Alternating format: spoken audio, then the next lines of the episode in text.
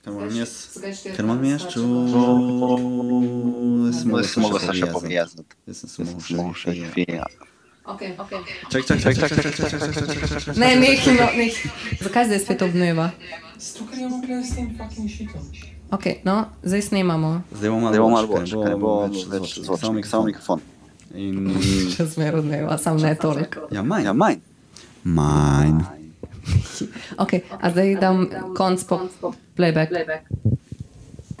Da, da. Okay, čakaj.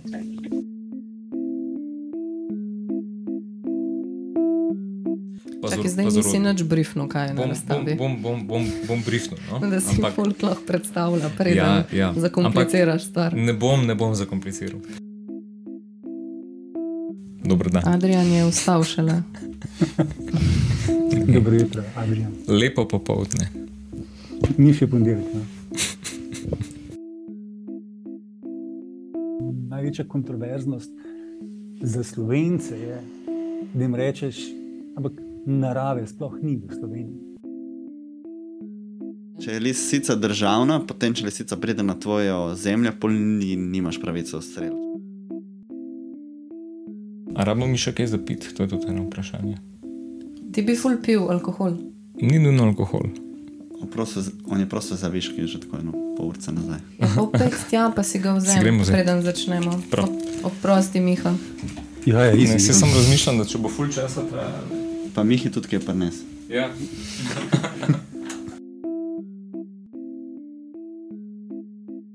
Ne, vse je v redu. lahko sam ne piješ vode zdaj dve uri, prosim. Vse po mojem ne bom rabo. To je bolj preventiva. Povej, ko rabiš pauzo za vodo. O moj bog. Se bom imel v roki. Pa pazi, če se s stolom premikaš, da ne bo slučajno padel čez rob dol. Okay? Se imaš še fore, sem za vsak slučaj.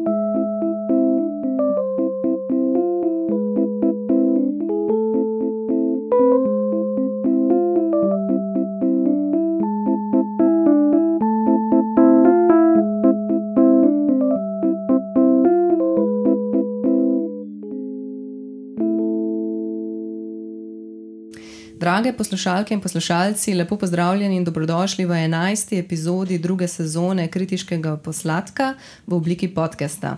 Danes sta z nami umetnik, oblikovalec in raziskovalec Miha Turšič in stari znanec posetka, največji fan Adrian Praznik.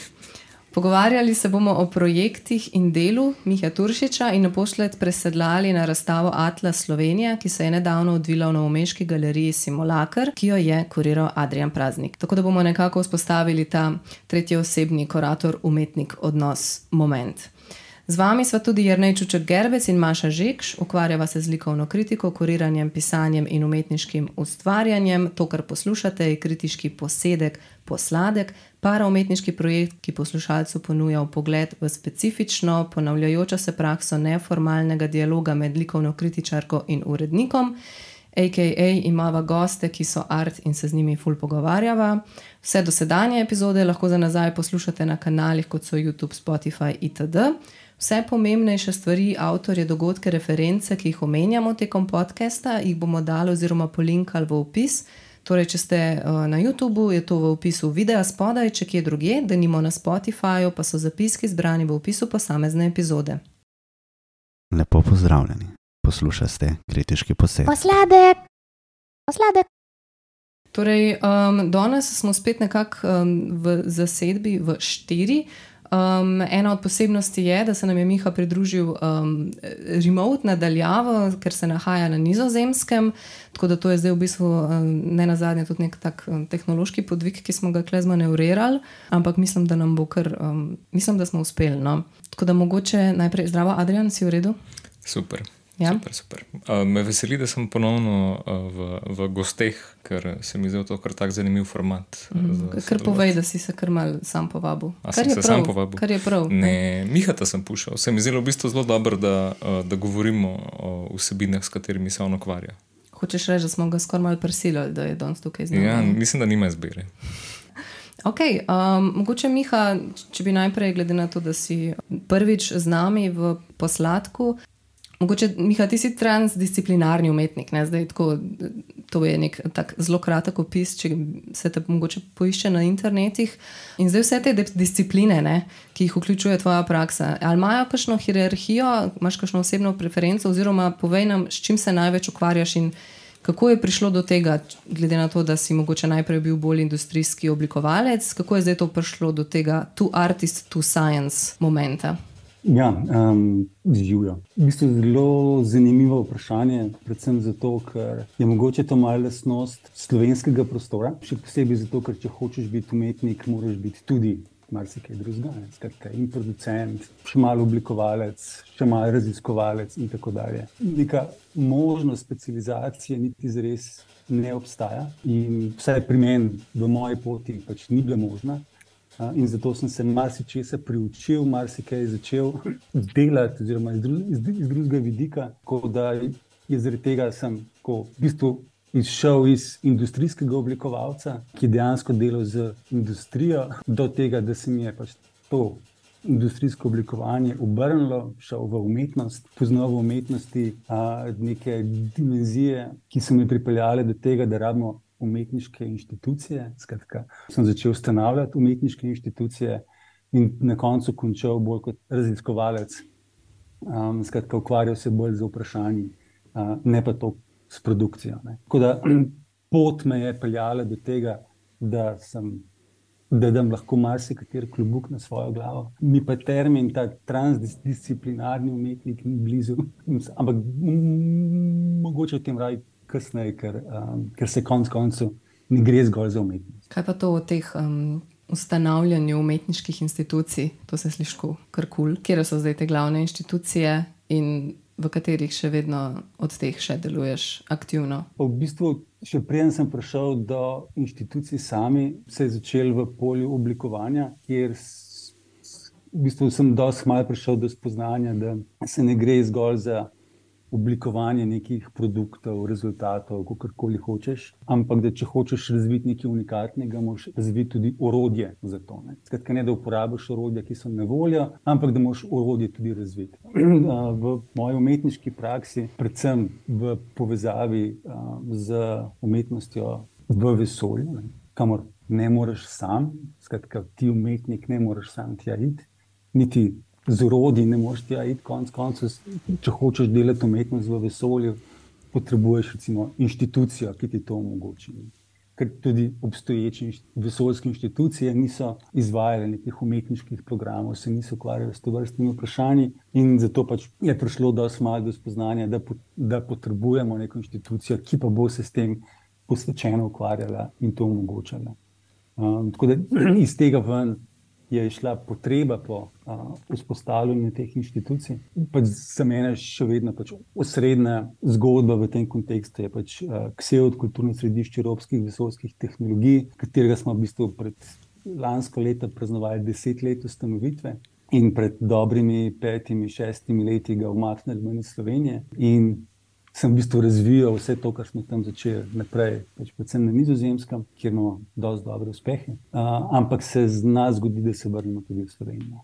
To zaenkrat. Mogoče za nekoga, ki um, te ne pozna in ne pozna tvojega dela, zdaj to vesolje je mogoče res tako kot neka strela z jasnega. Ne? Prvič, sploh, zakaj sploh ta gnev, da zdaj pa art v vesolju, art z vesoljem, ta postgravitacijska umetnost. Kaj, kako bi nekomu, ki prvič se sploh sreča s tem terminom ali pa s tem konceptom, razložil, zakaj tukaj sploh gre in zakaj te je sploh pripeljalo do tega, oziroma zakaj je to pomembno, če je pomembno pač v kontekstu umetnosti sem se predvsem ukvarjal z vprašanjem, kako umetnost razvijati. Ne, Skratka, ne kako zgolj spet. Obstoječe orodje uporabljati, obstoječe narative, ampak kako razvijati umetnost. In skupaj z Dragonom Živodinovim in Dunja Zopančič, naše srednje vprašanje je bilo pač razvijati umetnost v pogojih brez gravitacije, oziroma v pogojih izven Zemlje. A to je tako, tako random ideja, ej, kaj pa če bi mi to naredili, recimo. ker bi bilo tudi pod vodo ali pa brez kisika, ali pa zmišljujem si, pač, kaj vse ja. bi bilo. Kaj, ja. Zakaj glih vesolje? Pa mogoče je bilo v, v našem kontekstu, pač stvar ima svojo zgodovino, um, ki pa ni tako pomembna v tem trenutku, da bi šli zdaj, kje se je začel, kdo je bil prvi, kakšni so bili koraki. Mogoče je bolj pomembno ta iz začetka 2000-ih ideja o umetnosti, situirani izven galerije, izven white boxa, izven black boxa, izven gledališča, ta site-specific umetnost, kjer ta situiranost nekje druge omogoča neke drugačne pogoje, drugačno mišljenje in pa zahteva drugačno reakcijo umetnosti, in potem to, kar pride iz procesa ven. Je nekaj, česar v bistvu v nekih tradicionalnih, klasičnih umetniških procesih, urodjih, inštitucijah ne bi mogli nastati. In mi smo se s tem ukvarjali predvsem kot vprašanje, skratka, kakšna umetnost lahko tam nastane, kakšna drugačna umetnost. In, in smo pač to raziskovali, in odkrat sem se začel s tem skupaj z Dragonom Ljubim ukvarjati, pač ja, nisem mogel več pobegati ven iz tega vprašanja in se vse čas praktično s tem ukvarjati. Ja, ne, razmišljam o tem ustvarjanju izven. To je mogoče malo že premleta zadeva, sicer, ampak hkrati pa se mi zdi, da umetniki skozi delajo malo izven. Sej, uh, umetnost je v galeriji končala šele kasneje, vem, tam, ja, 20, še niti ne za res, 30, 40. Pa bolj, prej so bile tudi razstave, drugače postavljene, to čiščenje se je dogajalo. Mogoče sočasno, če s tem, ko so iskali ljudje beg pred White Cubom. Mislim, pač v našem primeru se je šlo predvsem za tradicijo pač te vzhodne umetnosti, rečem kar vzhodna umetnost, uh Mhm. -huh. skratka, ne zahodna umetnost, karkoli že ta meja pomeni, predvsem tradicija suprematizma in konstruktivizma, ki je na poseben način vzpostavila etiko v umetniškem prostoru. Pač osebno, skupaj z Živadinovom, smo delali recimo pač ta, ta tržaški konstruktivistični ambient, ki je postavljen v moderni galeriji. Konstrukcija, mislim, da smo naredili leta 2012. Uh, skratka, ko umetniki preizprašujejo etiko svojega delovanja v nemogočih pogojih. Ne, zgodba pač tržaškega ambienta um, se veže na požig uh, slovenskega kulturnega doma v Trstu se strani pač, uh, futuristov, fašistov in tako dalje.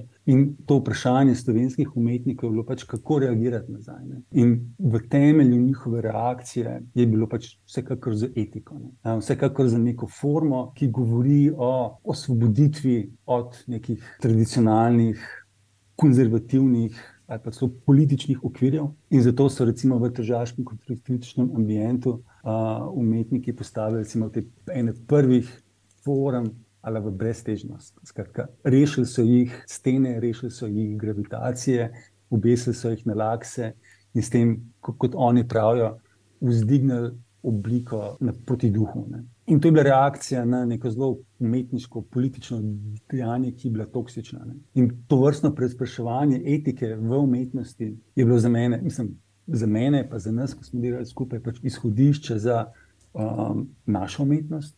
In, In ravno v tem kontekstu, pač iz te tradicije, ven, skratka, suprematizma, konstruktivizma, tržaškega ambienta, vzhodne umetnosti, ki je gradila drugačen narativ kot pa recimo futuristi, uh, dadaisti, ki so se recimo bolj ukvarjali z vprašanjem, stroja, recimo, pa fascinacija nad strojem. Skratka, Avtomobili, vlaki, tovarne, je bilo uh, na vzhodni strani bolj fascinacija nad tem, kakšna umetnost nastane, ko uporabljaš stroje.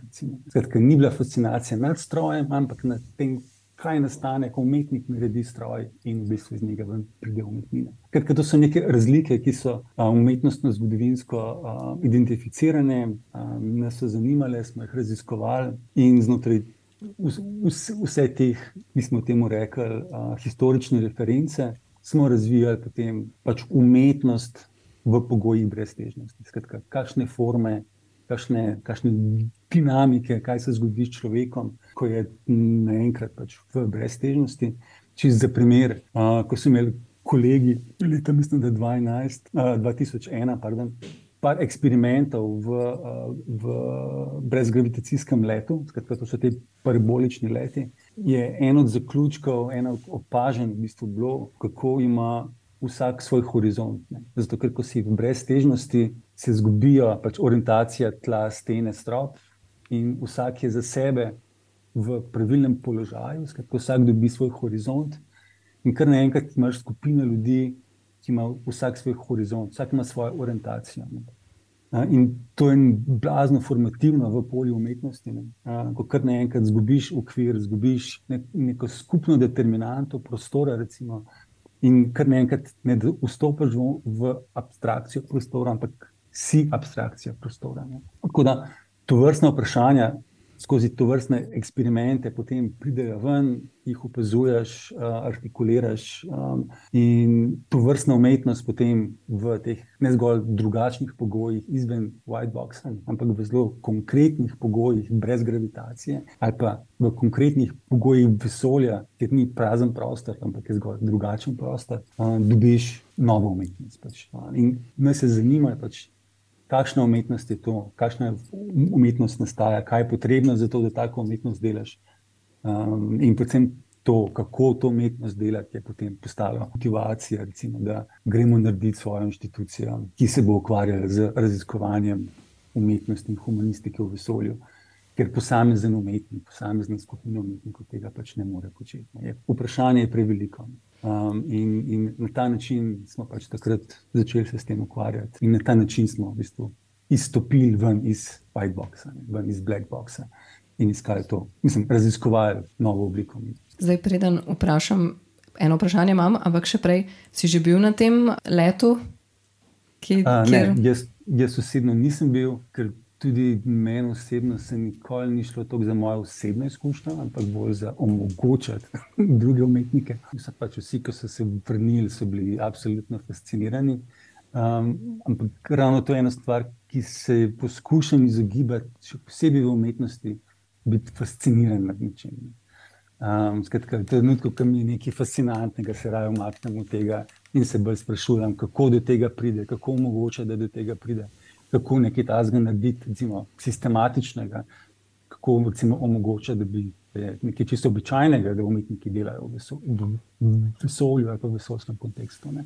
To bolj terja neko tako disciplino. Ne? Da, mislim, da se vsem pred neko fascinacijo ali pa nekim navdušenjem tako malo zabremzaš, da mogoče ne bi zdaj um, zapopadel po tej eni stvari, ki te mogoče zna gnati, vsaj nekaj let. Recimo. Še posebej v vesolskem kontekstu smo pač videli, da um, umetniki naredimo vse, kar si zastavimo. Ne?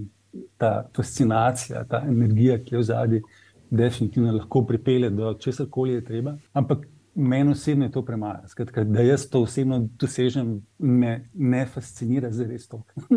Kot to, da nasplošno dosežem razumevanje, da je umetnost v vesolju potrebna. Ne skratka, da vesoljske inštitucije to poznajo, razumejo, zakaj bi bilo kaj takega potrebnega. In ravno tukaj potem pridemo do, do tega um, več kot umetnost. Um, ker konec koncev se ne gre za mene kot umetnika, pa za mojo osebno umetnost, ampak za drugačno razumevanje, recimo vesolja ali pa prostora ali pa um, sploh naših praks in umetnosti in znanosti kot takih. Ko jih začneš delati v bistvu za nekom, ki ni iz tvoje stroke. Recimo. A pol neka, nek, nek kroven izraz za to je potem ta um, cultural space program, ali kako bi temu rekli, in ali to, do kere mere to deluje odvisno od nekih vesoljskih programov, ki so sicer orientirani ne kulturno, ne umetniško, ampak um, ne, ki so verjetno tudi bolj financirani, bolj podprti z nekimi čist logističnimi zadevami, da lahko omogočajo, če ne drugega, kakšne poskuse ali pa neke probe. Ja, mogoče krovni termin kot tak je, mislim, termin, ki smo ga mi uporabljali, je kulturalizacija vesolja. Um, predvsem se gre pa za razumevanje človeških aktivnosti v vesolju kot oblika človeške kulture. Ne. Um, in tudi tukaj kultura mislim predvsem kot način delovanja, ki je specifično za človeka, um, ker ga pač človek izvaja, hkrati pa upoštevajoč tudi pač druge faktore. Um, pač le bi bil zelo, sam pač malo sem občutljiv glede terminov, ki jih uporabljamo, um, kot so kultura, umetnost, ker, kjer v bistvu jih uporabljamo, kot da vsi vemo, o čem govorimo, kot da se strinjamo, o čem govorimo, v bistvu so pa um, ja. Um, Ja, se v teh termin, terminih bomo potem še kakšno rekli v okviru uh, Atlas Slovenije, razstave. Meni je bilo še to zanimivo, verjetno dejstvo, da si nekaj časa deloval prav v um, industrijskem oblikovanju verjetno doprinaša k temu, da te zdaj mogoče zanima proces prilagajanja, ustvarjanja, probavanja, ne, dizajniranja nekih, ne, nekih mehanizmov, da se lahko sploh sproba in raziskuje kakšno stvar. Bi rekel, da ti je, moje vprašanje je, ali ti je to delo oblikovalca, če je pripomoglo k temu, kar počneš zdaj. Um, vsekakor je znanje iz polja oblikovanja blazno koristi. Še posebej zato, ker je svet, v katerem živimo, zelo industrijski. In že, če ga hočeš razumeti, ta zga, kakršen je, je potem neka to vrstna izobrazba zelo koristna. Um, ker konec koncev, koliko nas so sem, predvsem izdelani produkti. In ko, ko se enkrat upet v proces, kako nastajajo, veliko lažje misliš, pač, kako nastajajo zdaj neke forme, neke izdelke, ki nas obdajajo. Um, in meni osebno je še to bolj pomembno, pač ta kritičen odnos do materialnega, skratka, kako to materialno misliti. Je bilo že vse čas v bistvu v, um, v zadju, in ko sem bil oblikovalec, in kot umetnik in raziskovalec. Ja, mogoče bi te tukaj vprašal um, še en tak sa, korak v stran, mogoče. No? Zdaj, uh, ne vem, če si zasledil tisto rezidenco, ki je bila. Mars Residence v navednicah, no? uh, ki so, mislim, da za ne vem koliko mesecev dali umetnike v te simulat, simulatorje Mars, Marsovske površine. Zdaj, tle, definitivno ne gre za breztežnost, no, pa gre pa definitivno za ponovno postavljanje ljudi v neko drugačen okvir. A se ti zdi to analogno s tem, kar, kar vi raziskujete in iščete, ali se ti zdi to mogoče malo premalo? Um, Skratka, za parimi od teh projektov sem bil v stiku, um, par ljudi, ki, so, ki to organizirajo, ali pa ki so bili del teh analognih misij, jih poznam, delamo skupaj. In ključno pri teh analognih misijah je predvsem trening oziroma učenje, kaj je potrebno, ko se izoliraš za pač, uh, daljše obdobje. Recimo, že sam analogno Marsu pomeni recimo, deset mesecev tja, deset mesecev nazaj, tam biti nekaj časa. Skratka, to je teh Mars 500 projekt, recimo, je bil projekt Iti na Mars, pa nazaj prijeti in ljudi izpostaviti to vrstni izolaciji in videti, pač, kako se, a, kako psihološko to recimo, zdržijo. Um, in to je postal žanr, recimo, od tam nekje 80-ih let dalje z projektom Biosfera. Uh -huh. uh, to je zelo znan projekt, bolj po drugih stvareh, pač, um, kot nek zaprt ekološki sistem. Redko kdo ve, da je bil to projekt umetniške gledališke skupine, um, ki je pač fantazirala o um, ta spaceship Earth ideji, kako kot Zemlja potovati skozi vesolje in kako narediti vesoljsko postajo kot Zemljo, z vsemi oceani in tako dalje. Kratka, ta praksa analognega izoliranja in opazovanja človeka v teh izoliranih okoljih je zelo pomembna za razumevanje marsikčesa v naši družbi. Ker konec koncev smo izolirani, poskušamo delati neke analogne, naravne prostore, v katerih bi se kao dobro počutili. Um, In potem se dela pač primerjave med tem, pač, kako se živi na Zemlji, kako se živi na Marsu, na Luni, um, v prostem vesolju. Um, tako da to so predvsem razi, raziskovalni projekti in ta, ki se ga opazuje tukaj, je udeleženc uh, z različnimi praksami. Skratka, delajo eksperimente. Uh, meri se pač njihov um, ja, zdra, psihofizično zdravje, če hočeš, in pa ob tem se razvija tehnologije, ki to omogočajo. In te tehnologije pač malo, mislim, veliko, recimo, lahko bi šel pač naštevati neke projekte, ki se predvsem, mislim, mogoče nekaj rdeče niti tukaj, uh, ja, kako omogočati življenje v zaprtem sistemu. In umetniki imajo blazno močno izkušnjo, recimo, ali iz gledališča, ali bioumetniki, ki prenesajo noter nek popolnoma drugačen razmislek in o uh, živih procesih, in o psihologiji, in o tem biti človek. Skratka, ma, marsikatero vprašanje prenesajo v to polje, in potem se marsikaj naučimo iz tega. Zdaj ti tudi koordiniraš to evropsko platformo Modern Planet. Jaz sem si šla to malo pogledati na spletno stran, kaj je glavni fokus te platforme in s čim se ukvarja, in kaj je tvoja vloga znotraj te platforme, pa, pa bi mogoče šli do Atlas Slovenije. Ja? Ja, Modern Planet je, preden gremo do teme, s katero se ukvarja, je bolj pomembno to, da um, na svetovnem področju obstaja neka skupnost umetnikov, ki se ukvarja z to umetnostjo v vesolju, praktično zadnjih sto let. Um, in to je tradicija, v katero sem vstopil.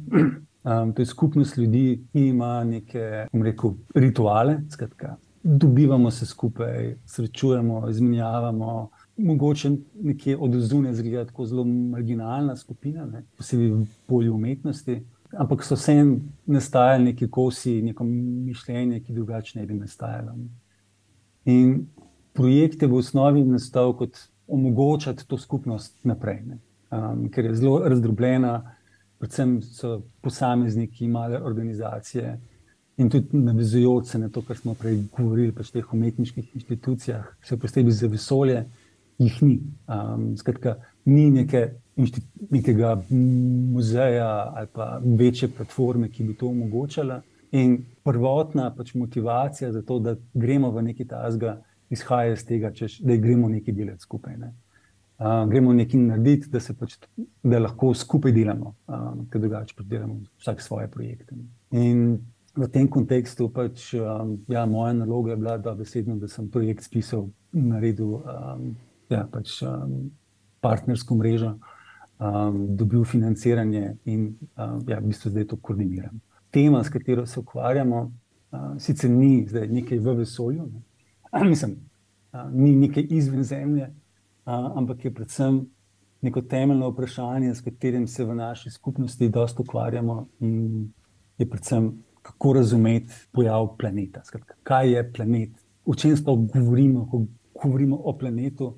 Um, še posebej, ker ko pač študiraš neko um, okoljsko humanistiko, okoljsko zgodovino, oziroma pač skozi neke um, sodobno filozofijo, prideš do tega, da. Sem recimo Bruno Latour ima zelo lep citat: um, Ti in jaz ne živimo na istem planetu. Ljudje imajo dejansko tako različne predstave o planetu, kot da bi govorili en od drugega. Skratka, teh pozicij, pogledov, um, svetovnih nazorov je tako veliko, še posebej, če vključimo noter še neke historične ali pa različne kulture. Um, skratka, ne zgolj to zahodno-znanstveni pogled. Vidiš, da pač ljudje to um, največjo okoljsko enoto, v kateri pač živimo, razumejo na zelo različne načine. Ne.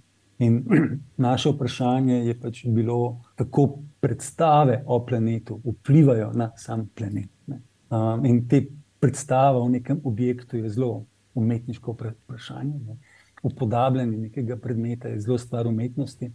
In tukaj pač uh, smo vstopili v to vprašanje, skratka, kako mi kot umetniki ali pa kot neka humanistična skupnost lahko pomagamo širši družbi v teh um, kriznih okoljskih situacijah vzpostaviti razumevanje ali pa neko pis, okoljsko pismenost, recimo, um, ki ni omejena zgolj na recimo, neko trenutno politično ali pa trenutno izobrazbo, ki jo imajo določeni ljudje v določeni skupnosti, ampak, ampak v bistvu zajemamo z nekega širšega um, razumevanja okolja. In s tem se zdaj ukvarjamo pač že, do, že dobro leto. In ravno letos na Ars Electroniki, skratka za začetku septembra, s tem, da so pač oni, Ars Electronika je pač en od partnerjev na projektu, bo velik del festivala posvečen ravno tej temi, oziroma pač temu projektu. Skratka, imeli bomo enodnevno konferenco na vprašanje pač resnica in planet, nekako, zelo točno vprašanje, ki so ga postavili kdo si lasti resnico o planetu. Imeli bomo recimo pač, uh, pol tematske razstave, se pač veže na okoljsko-planetarne um, uh, vprašanja, plus imeli bomo nek odprt laboratorij z delavnicami, in pa vsakdo bo lahko v bistvu stopil v Anga in ja, nekaj prispeval, nekaj sem naučil. Skratka, nek mislim, lahko to rečem, nek prototip tega, kar smo zastavili z Ksevtom, pa ni ostalo v Sloveniji, se zdaj realizira prav skozi Ars elektroniko in pa projekt Modern Planet. A je potem ta projekt Atlas Slovenija nekako v bistvu nek derivat teh idej, ki so se zgodile v Modern Planet, ker v bistvu gre podobno za neko, kako mi razumemo neko okolje, neko območje, nek, neko naravo, neko podobo neke države in kaj je zdaj resnica, vsak mal drugač vid, kaj nam podatki govorijo, čemu služijo te podatki. Torej, tukaj je neka povezava. Ne? Um, vsekakor. Um, skratka, če se v Vagu, kjer delam, um, ukvarjam predvsem z razumevanjem tega um, vprašanja, konceptov, načinov sodelovanja in pa tehnologije, ki je potrebna za upodabljanje planeta in okolja. Potem sem za Atlas Slovenija se hotel predvsem se situirati v Slovenijo, plus uh, ukvarjati se z uh, kontradikcijami v Sloveniji, v tem, kako si Slovenci predstavljajo Slovenijo in pa kako lahko razumeš Slovenijo, ko zares gledaš v podatke o Sloveniji. Uh, oziroma, ko pripelješ noter širša konceptualna razmišljanja iz humanistike, predvsem okoljske humanistike in zgodovine, um, kjer neka temeljne predpostavke, ki jih imamo kot Slovenci v Sloveniji, ne, popolnoma razpadajo. Tako da je to nek tak, mislim, predvsem je bil to raziskovalni projekt, umetniško raziskovalni projekt, ni bil umetniško-produkcijski, ker bi bil cilj narediti umetnino, uh, ampak predvsem kot umetnik raziskovati temo uh, razumevanja slovenskega okolja skozi podatke, ki so na voljo. No, če smo zdaj glih pri tem, da ni bilo produkcijsko v smislu, da bi bile neke umetnine torej na razstavi, kaj pa je bilo na razstavi? Torej, to je bila razstava, ki se je pred kratkim zaključila v galeriji Simulacr in zdaj um, iz nekih teh um, PR sporočil in kratkega pregleda lahko vidimo samo neke te fotografije terena Slovenije iz zraka kaj vse je bilo na razstavi. Mogoče Adrian tukaj zdaj ti tako um, briefen nas na hiter. Kaj je bilo vse na razstavi bom, za videti? Bom na hiter po briefu mogoče vzpostavil tudi nek širši kontekst. Um, to se pravi, produkcija nastala v sklopu uh, platforme Kons, uh, ki je namenjena sodobni raziskovalni umetnosti in zavoda Lokal Patriot iz, uh, iz Novega mesta. Um, seveda, predstavljen pa je bil projekt v, v galeriji Simulacr in v bistvu glih pred. Uh, enim mesecem se je razstava zaključila. Zaglede na to, da sem Miha povabil k temu, sta bile pravzaprav tukaj nekako dve ambicije. Ena z nečim podobnim smo se pravzaprav že ukvarjali s projektom Neca Trumpuža, Another Future Entirely. In se mi zdelo, v bistvu, da je zelo dober, mogoče tukaj gojiti neko konsistenco. Tudi uh, tema je takšna, ki je zelo aktualna, se mi zdi se tudi v, v zadnjih dneh, tednih to zelo dobro vidi v slovenskem prostoru. Tudi zdi se mi, da zelo veliko informacij, ki prihajajo, so uh, mogoče napačne ali pa jih ljudje interpretirajo na nek svoj način. Ja, zdaj bi lahko te posnetke iz zraka naredili. Ja. To bi bil entire, mislim, another future, entirely, mislim, present. Present future. Ja, ja. Ja. In um, to se mi zdelo v bistvu um, nekako zelo, zelo ključnega uh, uh, uh, pomena.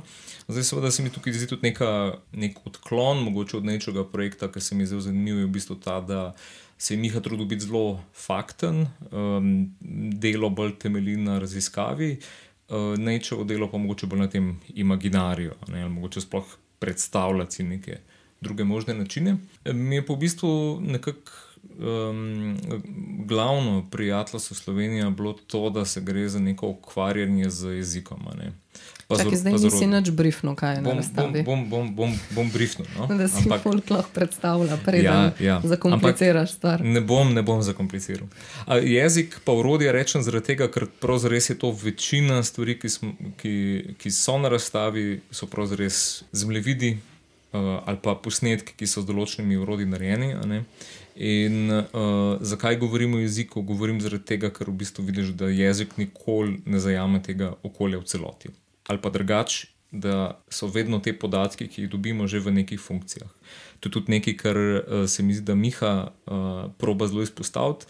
Da pravzaprav res, ko odpreš vem, zemljevid na telefonu in se nekam odpelješ, ta zemljevid je narejen strani določenih orodij, je predelan strani določenih korporacij in ima v zadnji neko agendo se pravi, je v neki konkretni funkciji. To ni dejansko okolje, ampak je nek podatek ali pa neka reprezentacija okolja, ki je v določeni kvaliteti. Um, in to se mi zdi v bistvu zelo pomembno, tudi z tega vidika, ker se mi zdi, da je spet zelo odvisno, kako smo spremljali, pa kje smo bili. Se mi zdi, da tudi te podatke, oziroma te nesreče, ki smo jih spremljali v zadnjih dneh, so pravzaprav um, bile predvsem medijsko posredovane. Pač mi smo spremljali, vsaj te, ki nismo bili v neposrednih težavah, smo spremljali to preko medijev, prek socialnih omrežij in tako naprej. Ne? In v bistvu zelo zanimivo tukaj prav to, da se je šlo z razstavo za neko ukvarjanje tega. Da en večji del okolja mi sploh ne doživljamo neposredno, ampak doživljamo preko, preko nekih zemljevidov, preko nekih posnetkov in tako naprej.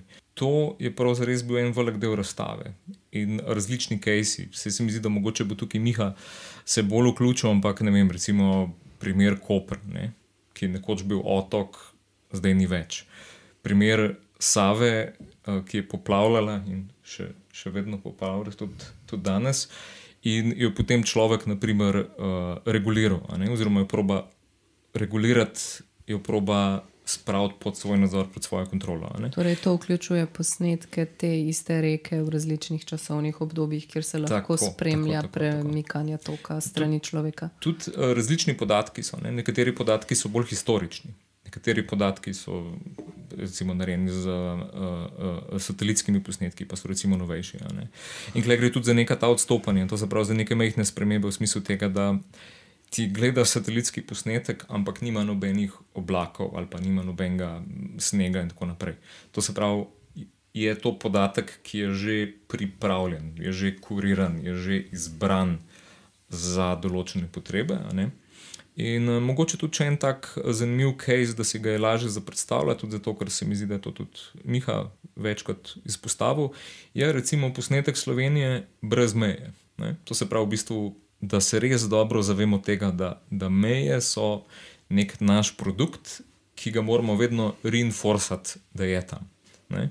In tudi Mihaj je mogoče tukaj cilj še na to, da, um, da se kot recimo v smislu neke nacionalne identitete poistovetimo s temi linijami, ampak ko so te linije zbrisane zemljevida, zelo težko ali pa mogoče samo redki znajo te črte ponovno narisati tam, kamor pašejo. Ne? Tako da eh, to je v bistvu bil en velik del razstave. In seveda to se pravi potem tudi ena, ena schema, ki pa, uh, ki pa v bistvu predstavlja različne metodologije oziroma različne vire informacij in različna orodja, s katerimi Miha pravzaprav izdelo. Uh, kar se mi zdi pa v bistvu zelo zanimivo, čist iz tega dela, da je v bistvu stvar nekako sistematizirana oziroma organizirana. Ne. Tudi to se mi zdi, recimo, ena stvar, ki me je vlekla ali pa ki me je pripeljala do tega, da, da sem si želel z Miho sodelovati, je v bistvu to, da je človek, ki ne samo da nekaj dela, ampak ima v bistvu tudi čisto strukturno te stvari razdeljene. Ne. In tukaj so pa tudi neki moji uh, interesi, kar se tiče naprimer, jezika, oziroma mogoče neke podobne miselnosti, ne, da veliko da te predstave, ki jih imamo v svetu, ali pa ideje, ki jih ustvarjamo, šele zares ustvarjajo ta svet, ga gradijo, ga oblikujejo. In zato se mi zdi v bistvu to zelo pomembno. Jezik je, je, po mojem, ključen za to, da se lahko pogovarjamo o okolju, oziroma je ključen za to, da, neke, da smo sploh sposobni neke, uh, neke spremembe ali pa neke rešitve misliti. Ne? Ne vem, jaz bi rekel, da mogoče jezik gre še stopničko dlje. Uh, ni samo nekaj, s čimer gradimo okolje, ampak je nekaj tudi, kako dojemamo okolje. Vem, zdaj, večina nas, ki to poslušamo, smo seznanjeni z nekim načinom eh, jezika, z neko obliko jezika, z neko strukturo jezika, z nekim miselnim vzorcem tega jezika in tudi z nekim časovnim, časovno uh, obliko tega jezika, ne? preteklost, prihodnost, sedanjost. Ampak uh, v resnici, če pogledaš malo globije v te jezike, ugotoviš, da so jeziki, ki dojemajo čas popolnoma drugače. So jeziki, ki nimajo sedanjosti in preteklosti enako definirane kot mi. Se postavi, in se dejansko tudi čisto potem zaradi tega lahko postaviš konceptualno čisto neko drugo situacijo. In je jezik v tem pogledu ni več samo sestavljanje prostora, ampak je osmišljanje. Mislim, zagotovo, je, eh, zagotovo gre v, eh, v obe smeri. Je pa po mojem z jezikom samo po sebi tudi tako. To se pravi, vem, jaz včasih vzamem primer teh barv. Recimo um, modra barva pogosto zelo pozno vstopa v jezik, zaradi tega, ker je v večini primerov manj esencialnega pro, uh, pomena. Naprimer, kot svetlo temno, potem rdeče, zeleno in tako naprej. Um, Modra se recimo z zeleno izmenjuje, imaš uh, jezike, ki je tako. Ki ja, jih ne ločijo. Recimo pač stara grščina, mislim, da, da Odiseja, da se uh, modro nebo v resnici upisuje z nekimi zelenimi odtenki. Ne. Ampak uh, glavna poanta, ki sem jo v bistvu tukaj hotel narediti, je ta, da, da če nimaš prave besede, če nisi ustvaril ne, neke relacije do mm -hmm. nečesa, se zelo težko o tem pogovarjaš. Ne. Oziroma, zelo težko uh, izražaš in dojemaš te stvari. Ne. Ja, mislim, seveda, brez, uh, to je ta klasičen problem, ko imaš nekaj jezike, besede za stvari, ki jih sploh nimaš in ko zveš, da obstaja ne beseda. Schadenfreude, recimo. Ja. V slovenščini ne moreš tega povedati, tako enostavno moraš razložiti koncept od zadaj. Ampak, ko enkrat poznaš koncept, je kar enkrat dosti bolj opremljivo in dosti bližje. Zato mi je tudi zanimivo, no, ker ta navezava na uh, te mape, oziroma na način, kako so uh, podatke prikazani, prav ta, bi se rekel, odstranimo mene, uh, oziroma vse, vse mape so osmišljene za, z nekim namenom.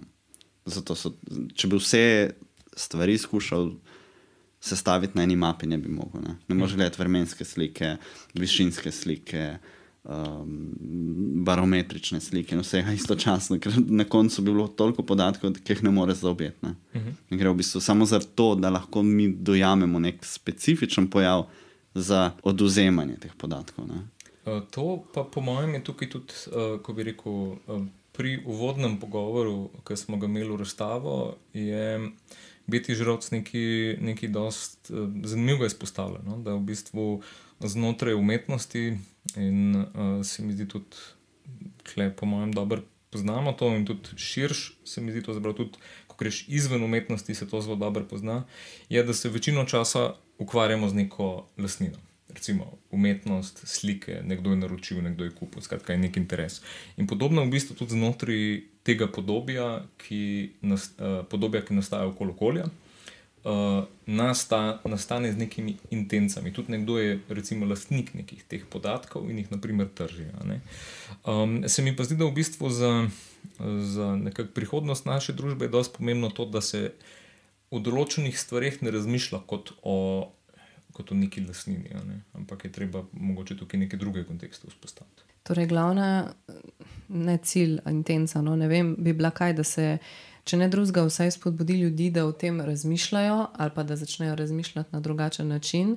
Ker jaz sem potem, recimo, ne, torej neka ta na pol kritičnost vem, do Google Mapsov, ker je zelo specifična aplikacija, ali pa ne vem, zdaj, ki so aktualne, ko gledamo vsi radijsko sliko eh, Slovenije, ne, ko gledamo, kdaj bo dež in to. Zdaj, torej ta naša podoba našega okolja iz zraka, ki prikazuje samo neke določene podatke, zdaj kako ločiti med, ne vem, naivnost, zdaj v narekovajih, naivnostjo uporabnikov ali pa njihovo nevednostjo, kaj gledamo in mogoče dejstvom, da pač te aplikacije v taki obliki, kot so, logično obstajajo zaradi točno teh določenih potreb, ki jih imamo. Razvito, razvite pa za neko povprečno življenje in delovanje, v smislu, seveda mi Google Maps kaže ceste in kako od Merkatorja pridem do kina, ker pač točno to nucam jaz od njega. Sej, ja, jaz si želim, da bi mi nek ta zemljevid ali pa neka taka podoba kazala, še ne vem, kje so najbolj zdrave bukve v Sloveniji, pa kje so medvedi brlogi, ampak skoraj bolj za mojo povprečno življenjsko rabo funkcioniranje in ko nimam časa, milijon podatkov, srka dva se ne me bolj zanima. Za koliko minut se mi podaljša vožnja po primorski avtocesti? Ne? Kako zdaj razumeti to kritiko teh, ne samo aplikacij, ampak sam podob zemlje ali pa terena ali pa okolja in teh podatkov, kot zdaj govorimo. Zdaj, kako... A razumeš moj problem? Zdaj, absolutno, pač, absolutno. Ja, va, smo kritični do te podobe, ampak te podobe imamo z razlogom, ker itak, tudi če bi hotel imeti podobo, ki bi neskončnost vseh možnih objektivnih podatkov zajela, prvič ne bi komprehendali, drugič nimamo načina, da bi to prikazali ali pa konzumirali. Zdaj, to je zdaj samo v bistvu tako mal pok ljudem, hej, vse vem, da to uporabljate vsak dan, ampak imejte v mislih, kako to deluje, zakaj deluje in da to obstaja. Ne zdaj ne, ne, zdaj ne uporabljati tega, pač to rabimo, ampak ne zdaj ne pa biti čist um, oblivious. Ne? Ali kako, a sem, a veš, razumem, ja. razumem, o čem govorimo, ampak zdaj, kaj naj zdaj, recimo, jaz kot obiskovalec te razstave, pa potem, ko preberem ta obrazstavni tekst, pa ko si pogledam to, ta uvoden pogovor, ki je bil sicer krasen, želela bi si, da bi bil še daljši, ampak razumem, da pač enostavno enega časa ni, ne? ker um, torej isto iz strani umetnostne zgodovine, tako kot iz tvoje strani Miha in uh, tistega doktorja, ki se ukvarja na splošno tudi pa to sateliti. Zelo zanimivo, ne? ampak kaj naj zdaj jaz če ne drugega, kaj naj jaz kot obiskovalec te razstave odnesem od te razstave, brez da se počutim res bedno, ker, ker tako naivno gledam na našo Slovenijo. Recimo. V bistvu je to, um, to tvoje vprašanje, je bilo izhodično, eno od izhodiščnih vprašanj samega projekta. Um, skratka, kako nekdo, ki, nekega, mislim, ki ima zgolj neko lastno izkušnjo o okolju, razume to okolje. Ne? Oziroma odkje to tvoje osebno izkušnja, to tvoje razumevanje okolja, oziroma termin, ki ga uporabljam, je pomenjenje okolja, odkje to sploh prihaja. In osebna izkušnja ni dovolj, zato ker živimo v zelo omejenem prostoru. Skratka, doma, pot do šole, službe, v mestu, malo potuješ, um, redko kdaj zaideš iz teh transportnih poti, skratka, iz cest. Um, pa še ko greš v gost, greš po poti.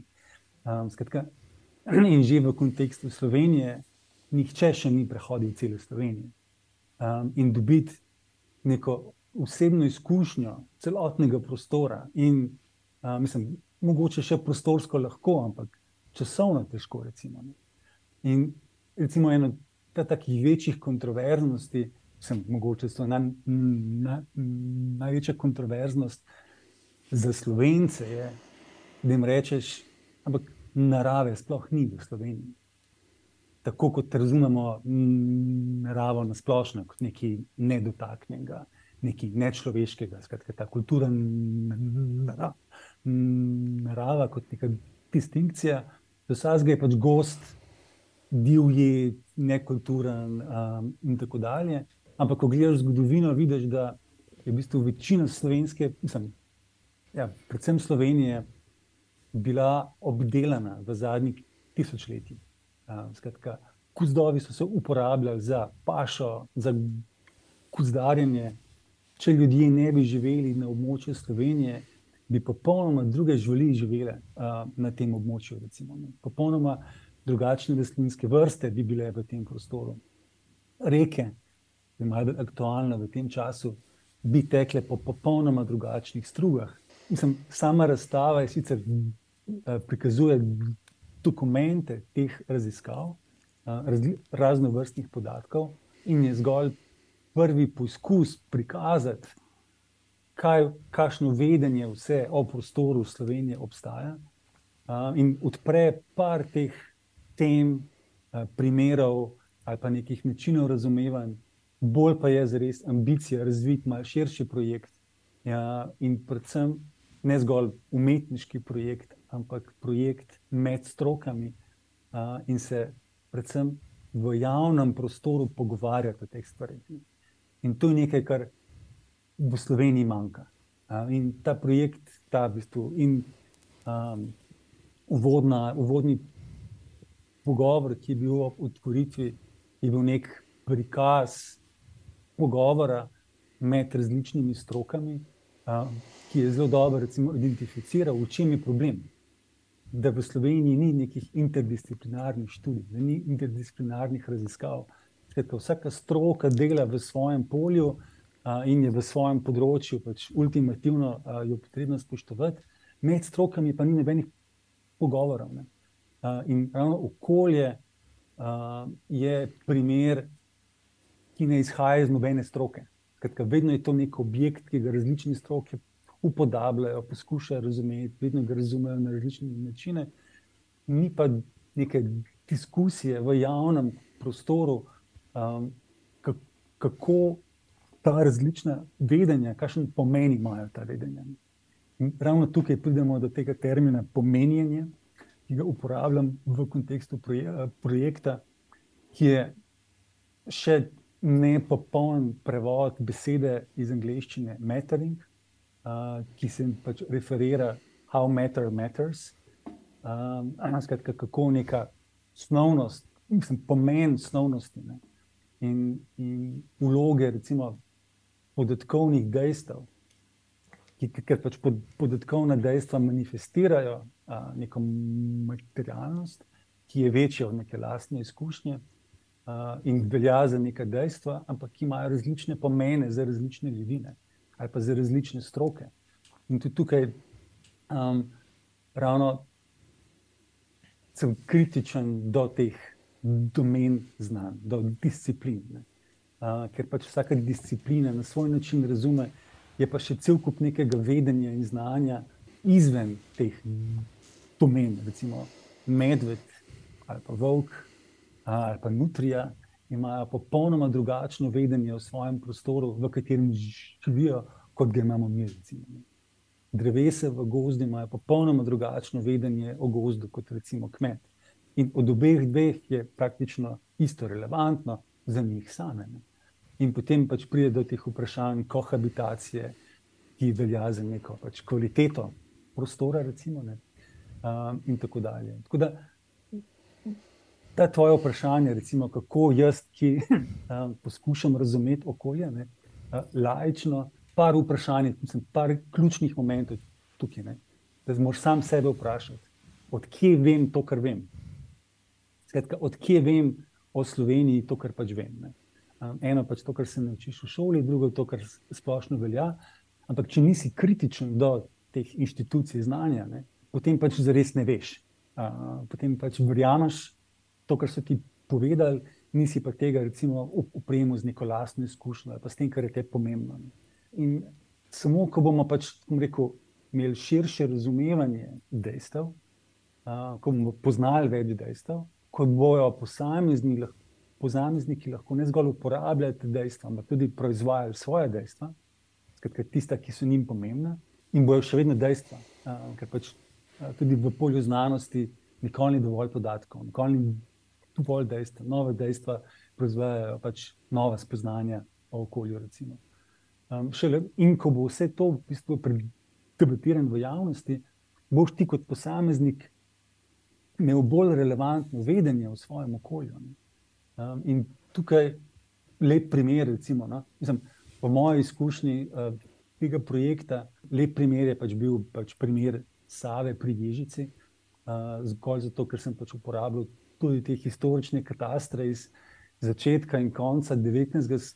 stoletja, kjer je v bistvu struga reke popolnoma drugačna, kjer v bistvu ima pri Ježici reka tako nekaj 5 do 6 rokavov, velika razlivna območja. Uh, in spet vsakič popolnoma drugačna. In ko recimo gledaš te podatke o poplavnih območjih, ko poskušaš razumeti vodo kot fenomen v prostoru, ne, vidiš, da to ni nekaj, kar lahko v neko strugo spraviš, ne, ali peščeno strugo, ali betonsko strugo. To, ker voda se vsakič drugače obnaša. Drugače se obnaša po suši, pred sušo, po zim, po let. Um, in je zelo dinamična in zelo močna. In historično, pač to je bil posledica tam, um, te prvotne kulturalizacije prostora uh, v Evropi, tam od 8. do 12. stoletja, se vzpostavi mišljenje, da ljudje lahko oblikujemo prostor po svoje potrebi, ga nadvladamo. Tukaj sploh pride pojem narave kot nekaj manj vrednega, brezvrednega.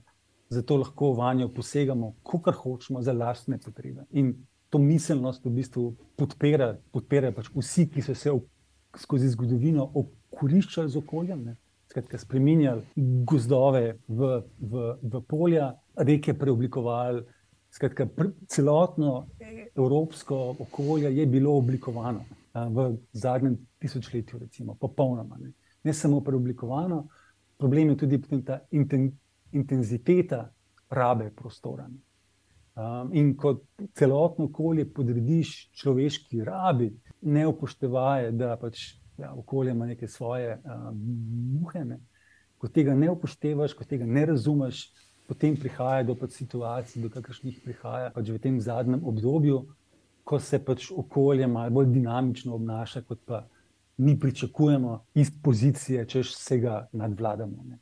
Pa ga ne, ne. smo zgolj del teh procesov. Da, recimo, reka Sava je pač lep primer, predvsem pač v kontekstu, da ja, spravili smo jo v strugo, pustili neka območja tam kot možno poplavna, uh, ampak zares. Uh, Voda bo ob nekih trenutkih vedno najdla svojo pot, svoje življenje, in pač vprašanje potem tega planiranja in oblikovanja prostora je, kje, bomo, kje se bo zgodil konflikt med tem, kar smo mi sami vzpostavili, ne, to uh, razliko med kulturo in naturo. Ne.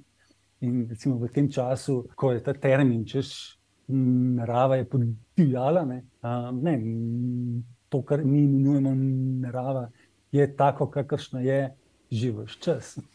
Samo na, naša vzvišenost nad tem pojavom, češ, da lahko to nadziramo, uh, je pač uh, tukaj eno teh kontroverznih pojmov.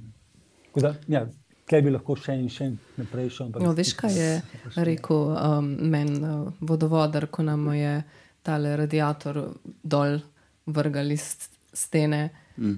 pa on to popravil, pa je sko, a zdaj bo v redu.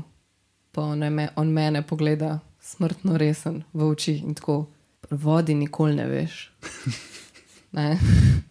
Drugače mi je pa zdaj um, zanimivo to, kar si rekel, ne, kako, mi, kako smo mi naučeni gledati naše okolje, Slovenijo, njeno naravo.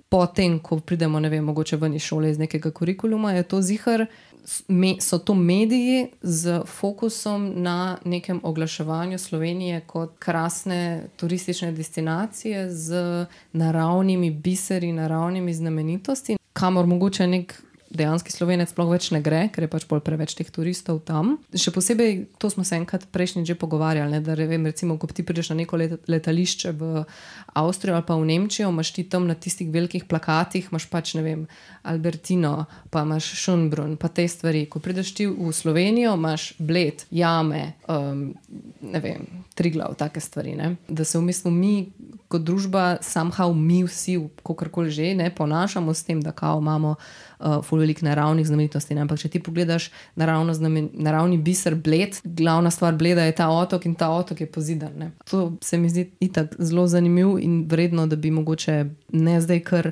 posvojili vsi to mišljenje iz prve, ker tudi na neki točki se bo to moglo spremeniti, se bo spremenilo. Ne? Tudi če nočemo in hočemo čuvati bled in omejevati parking in ne vem kaj, ne? se zadeve bodo spremenile. Druga stvar, ki sem se pa vmes spomnila, ne, ko smo prej, uh, Adrian, ko si govoril ne, o tem, o lastnini, ne, da vse je last nekoga nečesa in tudi stvar, s katero gledamo, je last nečesa, vse. Ne. A ne tudi podobno to, da Slovenija sicer ja, zelo goznata država in to, ampak vse um, gozdovje v Sloveniji je razdeljeno. V upravljanje posameznih lovskih družin, recimo, ne, in širših, širšega upravljanja, in tudi vse divje živali v Sloveniji so v lasti države. Ne? Država je lastnica divjih živali. Nima pa, pa še porto.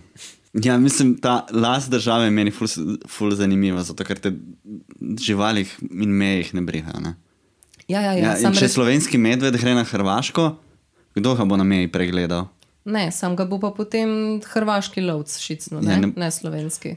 Če bojo odobrili odstrel, seveda. No, se bo, sem Samo, no, zato. zato vejo, veš, naša je njihovo, ne? ne ja, ja, ampak se zato um, so živali, pa so res samo številke in njihov uh, zdravstveni status. Ne?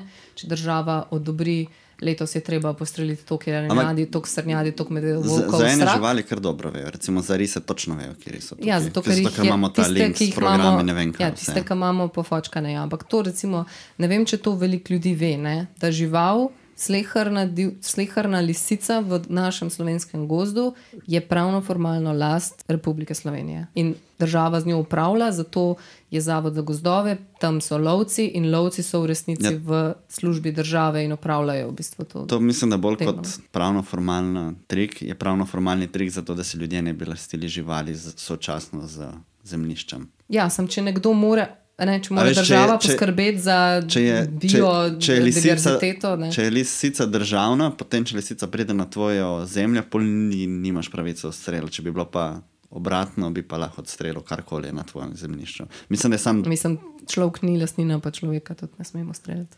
Ja, je sam svoja lastnina. No, pač veš, kaj mislim. Ja, vem, ja. Drugač, A ja, da bi drugače zaščitil, hočeš reči. Sem imela vprašanje glede teh, si rekel, da si iz katastrov pobral podobe, recimo v tem primeru Save pri Ježci. Pri teh satelitskih fotografijah gre pa kaj za neko, kje si dobil te fotografije? Mislim, zelo konkretno. Um, satel, v satelitskem kontekstu, pač tukaj v Vagu, kjer se ukvarjamo z razumevanjem vseh teh tehnologij, um, platform uh, za dostop do podatkov, kako ti podatki nastajajo, in tako dalje. Um, smo pač raziskali vse možne platforme, ki uh, to omogočajo. In zanimale so nas predvsem platforme, ki so odprto dostopne, skratka, ki omogočajo dostop do podatkov vsakomur, ne tistemu, ki lahko plača. Skratka, gre se za neko javno dobrino in mogoče veliko ljudi ne ve, da je glavna evropska, platforma za dostop do satelitskih podatkov Sentinel Hub delo pač, uh, slovenskega podjetja Synergize uh, in to je dejansko ena največjih in najbolj uh, uporabljenih platform za dostop do satelitskih podatkov. Omogoča dostop do praktično vseh um, evropskih Sentinel satelitov in ameriških uh, Landsat z vsemi historičnimi podatki, skratka vse, kar je bilo posnetega in da- dano v uporabo od uh, tam 80-ih, 90-ih let naprej, je na tej platformi. Uh, gor so ne samo ti neposredni satelitski posnetki, ampak tudi določeni modelni posnetki, skratka pač neke te klasifikacije um, rabe zemlje oziroma rabe um, tal. Uh, skratka, to je ena večjih platform za dostop do uh, okoljskih podatkov, ki temeljijo na satelitskih posnetkih. In to so ne samo ta vizualni del spektra, ne, ampak tudi infrared, uh, infrardeča. Uh, recimo pač za identifikacijo vegetacije, skratka, v določenem delu spektra, in pa za uporabo različnih delov spektra, lahko ti ločiš, kaj je rastlina, kaj ni rastlina. Potem z- z radarskimi posnetki lahko ločiš vodo od površja. In potem s temi različnimi klasifikacijami in pa nekimi um, spro, sprogramiranimi algoritmi, ne, lahko ti identificiraš tudi, kaj je naselje, kaj je polje, kaj je gost, kaj je voda, kaj je cesta. In to je blazno pomembno, predvsem za eno stvar, da iz podatkov razbereš ven razlike, ki nastanejo skozi čas. Skratka, ti, ko te podatke uporabljaš, lahko vidiš, kje je nastala razlika v zadnjih 20 letih. Skratka, vidiš, kje je manj gozda, kje je več zgrajenega, kje so se vode spremenile. In mislim, me ni presenetilo, ko sem videl, da je v bistvu največji okoljski poseg v zadnjih 30 letih v Sloveniji, a mogoče kdo od vas ugane. Trnovski gost. Prek morja. Ne, jaz je avtocestni križ. Aha. Um, skratka, to, da smo v Sloveniji zgradili avtoceste, je to, kar, kar se je najbolj spremenilo. In potem, ko na to vežeš še podatke o onesnaženju okolja, vidiš, da je v bistvu največ emisij v Sloveniji ravno iz prometa, iz ceste. Skratka, ne elektrarne, ne industrija, ampak iz transporta. ven. Zdaj pač ne vem čisto točno, kakšno je tukaj razmerje med avtomobili in tovornjaki, a, ampak že recimo, ko gledaš zgolj podatke o nesnaženju, ne da bi sploh vedel, kaj je v spodaj, ne, vidiš, da je to človeška aktivnost, vidiš, da so to predvsem ceste, mesta. Da, ko primerjaš te raznovrstne podatke, iz satelitov, razbereš v bistvu, kaj se tam odvija. Ne. In preko, ko ste se pogovarjali o tem, kakšen pomen ima zdaj to za mene, recimo. Ne, um, pač v, v sklopu projekta sem raz, raziskoval predvsem tri tipe pomenov. Eden je ta interesni pomen, ne, skratka, kaj mene zanima. Kaj meni koristi, in to je pač ta najbolj dominanten, uh, pač te Google Maps, Apple Mapi, Skratka, mene zanima, tukaj noter imam, trgovine so noter, ceste so noter, super fajn. Drugi tip pomenov je ta zaskrbljenost. ne. Um, ta je v današnjih dneh malo bolj prisotna. Skratka, ljudje so zaskrbljeni, glede, kje bo voda, kje ne bo vode, kje lahko je voda, kje ne bo vode. Ne. Um, ali pa kakšna je stopnja onesnaženja, recimo pač v, uh, v področju, kjer je malo več industrije. Recimo. Um, ali pa zaskrbljenost kmeta napram zverem. Um, skratka, on ima drugo skrb, recimo, ne. Mislim, drugo zaskrbljenost. Um, da, in, ampak zemljevidov ali pa prikazov prostorske zaskrbljenosti ni. Um, pa je to politično za posameznika veliko bolj pomembno, kot pa kje je trgovina, ker pač veš, kje je trgovina, ne rabiš aplikacij. To, Skratka, to je eno področje, ki je blazno pomembno, vsaj za mene osebno v tem kontekstu. Tretji pod, področje pomenov je pa skrb.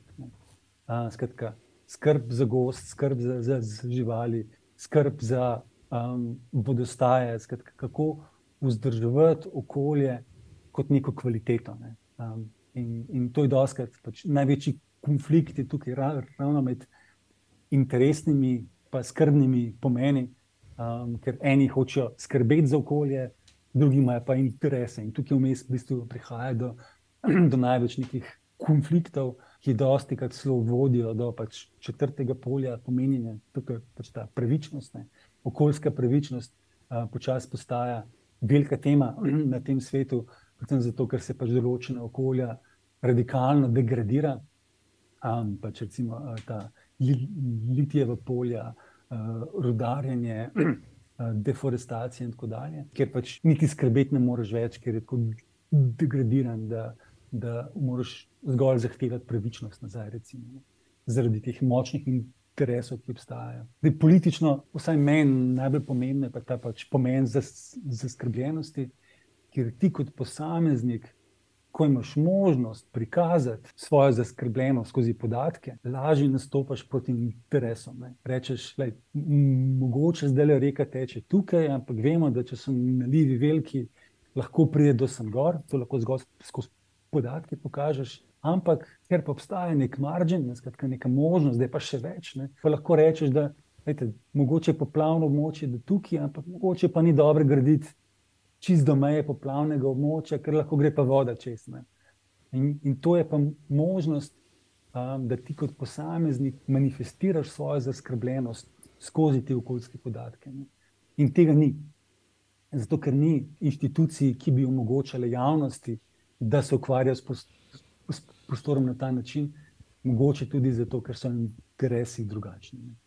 Pač predvsem bolj uh, v polju um, okoriščanja za okolje. Sej, um, mogoče se tle navežem tudi na ta problem načina urbanizacije. Ne? In se mi zdi, da se to tudi navezuje na ta prometni križ, oziroma na način, kako, kako gradimo slovensko prometno infrastrukturo, oziroma javno infrastrukturo in uh, našo razdrobljenost. Um, jaz sem. Če se kdaj zapeljem, ne vem, v Brde ali pa kakšne te kraje, ki so malo mičken stran, ali recimo do Tolmina, uh, Nekateri kraji so včasih imeli uh, mogoče še železniško povezavo, danes pa praktično ni. ni. Najhuje pa je, ko se voziš po brdih in ugotavljaš, da se pač te ljudje dnevno vozijo recimo, do Nove Gorice v službo. In da niti ne moreš razmišljati o neki javni infrastrukturi, več, zato ker je urbanizirano tako raztreščeno in tako nepremišljeno, da ne, težko razmišljaš o, o rešitvi. Tudi avtobus je problematičen v, te, v tem kontekstu, ker bi vožnja pač zaradi razdrobljenosti, ker se treba staviti na tolikih koncih, ne more pobrati ljudi. In uh, tle mislim, da je ja, neka javna, nek javni pristop mor, bi mogel biti, ki bi razmišljal tudi o tem, se do, kje se dovoljuje, dovoljuje graditi, zato da so stvari vsaj nekoliko skoncentrirane. Ne? Da, da lahko gradiš potem javni prevoz. Moja osebna izkušnja, recimo iz Nizozemske, kjer živim že skoraj deset let ne, uh mhm. -huh. in delam v organizaciji, ki se ukvarja ravno z um, tem, kar rečemo public research, to je eh, raziskave v javnem kontekstu. Ne. Mislim, dobesedno v službi prebivalcev mesta Amsterdam.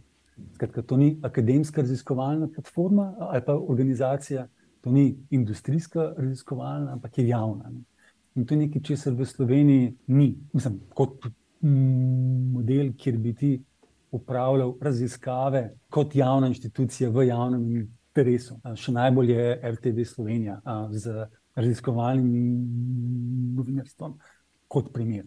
Kratka, da ti postaviš neko, mislim, da se ti artikulirano ukvarjaš z javnim vprašanjem. In ravno to, kar si omenil, pač zdaj smo razdrobljeni, kako organizirati pač prevoz, transport v razdrobljenem okolju. Ne, s to vrstnimi, vpraš s to vrstnimi javnimi vprašanji se ne ukvarja v javnem prostoru, ampak se ukvarjajo pač akademski raziskovalci, posebej mestne oblasti, posebej um, um, neki zasebni avtoprevozniki, posebej. Skratka, vzpostavljanje javnega interesa v odnosu do javne zaskrbljenosti in pa v odnosu do skrbi za javno dobro. To vrstnih inštitucij pač v Sloveniji ni. In ravno ta manjko se vidi v tem, da pač stvari niso zorganizirane na način, da bi pač uh, imeli neke, ja, uh, neko solidno javno infrastrukturo. Ne. Pač Ves čas malo propada, pa se malo vzpostavlja uh, in neke optimizacije tukaj definitivno. Mogoče, če se lahko še vrnemo malo nazaj. Um na eno repliko, ki sem imel že prej, uh, kar se tiče tega vedenja ne? in znanja in um, razumevanja. Mi se zdi, da ja, seveda nekdo, ki živi v okolju in nima vseh možnih podatkov, recimo, da govorimo o nekem skoraj prav človeku, ki je živel z okoljem, ne v okolju. Uh, imel neko posebno neko vedenje, ki je mogoče na nekem nivoju podobno, kot smo prej omenjali, od volka ali pa od medveda, pozna neke stvari, neke lokacije, prehrambene navade, um, premikanje drugih živali, rast, rastje in zatočišča, druge nevarnosti. Ampak zdaj smo govorili tudi o tem, da potrebujemo še več informacij, še več podatkov, še več upogleda vse skupaj. Ampak do zdaj smo vrtimo v tem, da kot človeštvo. Da Pridemo do nekega znanja, do nekih dognanj, do nekih uh, rešitev, in te rešitve so se večkrat znova in znova pokazale kot napačne. Ne, to, recimo, nad vlado, nad okoljem se je izkazalo kot napačno, od požigov dalje, ki so naredili škodo še do danes, do vseh drugih stvari. Ne. A sploh lahko računamo, da bomo kdaj dohiteli z znanjem dovolj daleč, da bomo lahko rekli, da res razumemo okolje in da res lahko delamo z okoljem, ne proti okolju. Tle se, tle se meni zdi ta. Vse to je zelo tako fatalistično in spet radikalen pomislek, ne moramo se rešiti tega, lahko samo gremo nazaj in rečemo, nima smisla. Ampak po drugi strani se pa vedno človek vpraša, ali bomo kdaj preskočili. To je podobno s tehnologijo. Ne? Enkrat bomo imeli dovolj tehnologije, da bomo lahko preskočili to stopničko, ne? tako kot je fuzija, samo 30 let stran. Ne? Mene je spomnil to, kar si ti rekel na Jevonov paradoks, ki sega v, v prvo industrijsko revolucijo. In gre v resnici nekako po tej analogiji, da si imel parne stroje in uh, so porabili tok pa tok energije, oziroma tok pa tok energije so rabili uh -huh. za mhm. delo. Ne? In uh, so bili na začetku dosti potratni, dragi. Potem pa, ko je postala, naprimer, ko so izboljšali stroje, ne, so postali cenovno bolj dostopni, manj goriva si rabo, več strojev se je začelo uporabljati, več strojev se je začelo uporabljati več goriva se je porabilo. Ne. Tako da jaz mislim, da, da v bistvu si mogoče ti na to cilju, da je zelo težko ujeti ta balans. Med, uh... Ampak tudi kdaj bomo res, ker za zdaj, z vso tehnologijo, ki jo imamo, za zdaj smo vedno v tem, da smo v minusu. Proti naravi. Mi, mi, pa, mi pa zasledujemo nek cilj, ko bomo enkrat prišli tako daleč, da bomo prišli čez in bomo, če bi recimo naredili, znali delati fuzijo, da, bo, da ne bi bila da bi bila samo zadostna, da bi lahko, da bi lahko proizvajali energijo na tak način, teoretično, da govorimo o navednicah, bi mogoče lahko prišli čez to. Ne, ta problem tega porabljanja okolja za ustvarjanje energije, mogoče postavim kar tako. Mislim, ja, um, zelo točno vprašanje. Um, problem je zgolj v tem, da mi kot človeštvo ne obstajamo obstajajo različne človeške družbe, ki gledajo na okolje na različne načine. Pač to, kar mene presenetilo v tem kontekstu, um, človeštvo naseljuje cel planet, cel planet, tako 90%, recimo, ali pa od 80% do 90% zad, od zadnje ledene dobe, skratka zadnjih 11 tisoč let. In ko gledaš podatke, vpliva na okolje. Ljudi, Vidiš, da se je stopnjevalo, predvsem v zadnjih 200 letih. In ni problem to, da ljudje živimo po, po, po celem svetu, problem je intenzivnost rabe uh mhm. -huh. okolja. In ta intenziteta je en ključnih faktorjev. In ko gledaš, kdo je ta, ki inten, intenzivneje rabi okolje, ne, vidiš, da je to zelo industrijska raba okolja. Uh mhm. -huh. Ne pa skratka, kmet, ki živi na svoji kmetiji. Ne uporablja okolja intenzivno, ampak ga uporablja za svoje preživetje, pa za svojo dejavnost. Problem nastane, ko ti začneš optimizirati okolje, neko industrijsko rabo, ker vire za svoje delovanje ne moreš dobiti zgolj v svojem okolju, um, s katerim živiš, ampak v nekem odtujenem, nekem daljnem prostoru, ki ga dobesedno izkoriščaš, ne? um, ga degradiraš, koristmaš pa nekje drugje. Ne? In potem se te koristi se um, kopičijo na enem koncu zemlje, medtem ko degradacija pa na drugem koncu zemlje. Uh, in potem ta neravnovesje med tem, kdo nekje živi in kdo ima korist od prostora, ne, se popolnoma razruši, in, tem, in na ta način ni človeštvo tisto, ki počne eno, drugo ali tretje, ampak so določene skupnosti, ki imajo moč in interese ki jih manifestirajo in ki so tisti, ki najbolj degradirajo prostor, ne? in pa so ljudje, ki pa živijo potem v teh degradiranih prostorih, niti ne morejo več živeti s tem prostorom. Uh, pač primer so recimo plantaže v Indoneziji, kjer uh, so bili ljudje dobesedno pregnani, živalske vrste so bile pregnane, uh, rastlinske vrste so zreducirane. Skratka, tisti, ki živijo v nekem okolju, ne morejo več tam živeti na račun tega, da nekdo nekje drugje se okorišča z njihovim prostorom.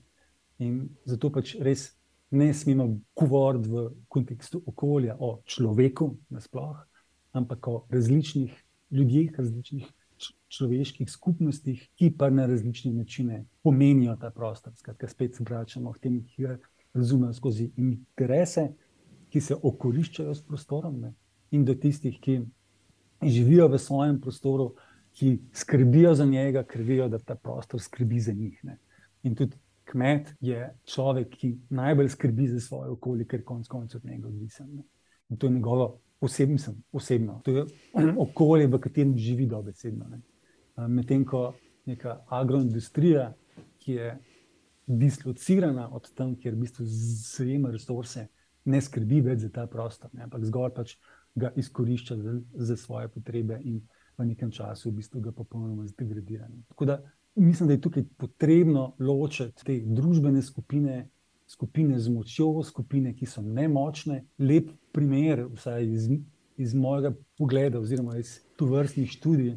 Uh, je bilo to drevo pred Dramom, kjer so vsi manifest, manifestirali svojo nemoč. Javnost je bila nemočna, ker je treba hišo prenoviti, drevo je bilo nemočno, ker um, so interesi taki in taki. Um, tudi ljudje na ministrstvu so nemočni, ker so upeti v projekt, ki še treba obnoviti. Um, in ker ni teh javnih diskusij, ker ni nekega razumevanja, kako pa skrbeti za okolje, kako pa s kakšnim mehanizmom skrbeti za, do, mislim, predvsem za naše zdravje, konc koncev. Um, potem prihaja do konfliktov, kjer je stalno zgolj manifestacija pač nekih antipozicij, drug proti drugemu. Ker vsi govorimo iz, iz pozicije svojih interesov, ne pa recimo iz pozicije neke javne skrbine. Ampak to je pač nek proces, ki traja, neke javne inštitucije so zato potrebne, javne diskusije so zato potrebne, tega pa pač um, ni ali pa je premalo. Ne, ne vem, če lahko danes še govorimo o družbah moči in družbah nemoči, ker se mi zdi, da družbe moči so že toliko posegle v družbe brez moči, da tisti, ki so brez moči, so primorani izkoriščati svoje okolje za to, da preživijo. No.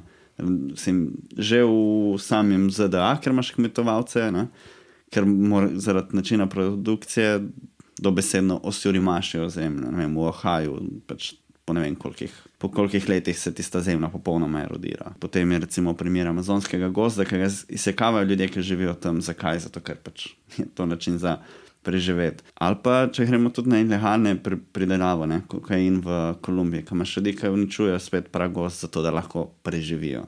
Pa na koncu te ljudje, ki tam delajo, ne dobijo ogromnega dobička, dobi spet oseba iz položaja moči, ki izkorišča te kmetovalce, ki skušajo preživeti. Ne na enem drugem projektu sem se ravno s tem vprašanjem ukvarjal. Bilo je vprašanje, kdo je antropos. Uh mhm. -huh. In zelo hitro prideš do spoznanja, da centri moči so antropos, medtem ko marsikateri človek je pa bolj okolje kot pa antropos. Ja, ja. Človek, je nemočen, je isto nemočen kot drevo, kot, um, kot žival in na ta način odvisen in uporabljen. Um, in, na ta, mislim, in ravno tukaj vidimo, da ni vsak človek isto človek. Um, mm -hmm. In ravno zato pač ta termin človek, pač humanistika se s tem že dlje časa ukvarja. Ne? Ampak ravno v tem okoljskem kontekstu vidimo, da se tisti, ki se ne more odločiti, in človek iz pozicije nemoči se ne more odločiti, je druge, drug tip človeka kot tisti, ki se pa lahko odloča, ki ima moč, ki ima kapital. In ravno družbe, ki prakticirajo to opolnomočevanje, skratka, ki iz pozicije moči to delijo z javnostjo, so veliko bolj trajnostne, veliko bolj vzdržne, kot pa tam, kjer je v bistvu ta razlika med enim in drugim večja.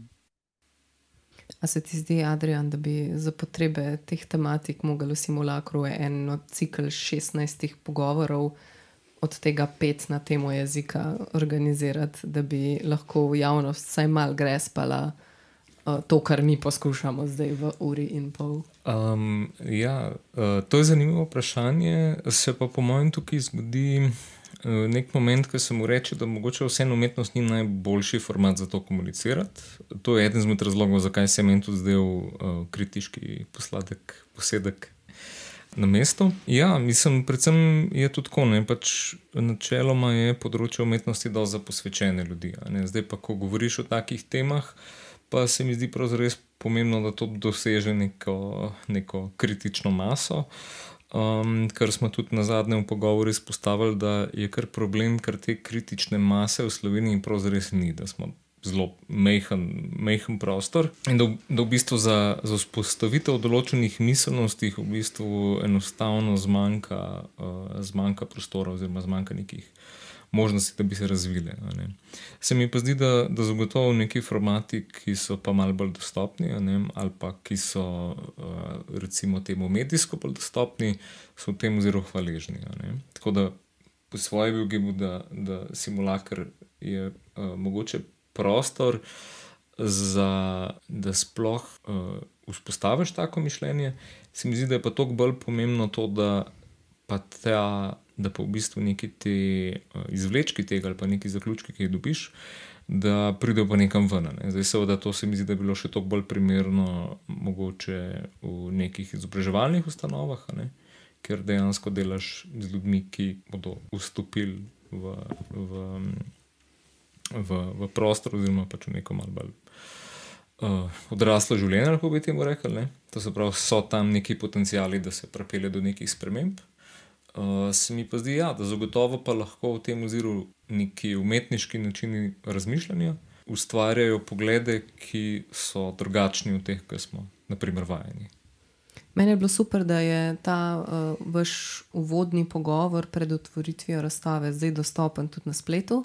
Tako da ga bomo dali v zapiske, da se lahko tudi to um, posluša. Kako pa si sicer zadovoljen z odzivom na razstavo, kakšen je bil kaj odziv, obisk? Ja, to je zelo zanimivo. Verjetno da... nek, nek, nek juli, sred poletja, ni najbolj hvaležen uh, termin ali pač. Ja, za kick-off uh, mogoče res ni bilo najbolj hvaležno, ker tudi, seveda, pač tam poletni čas ni idealen.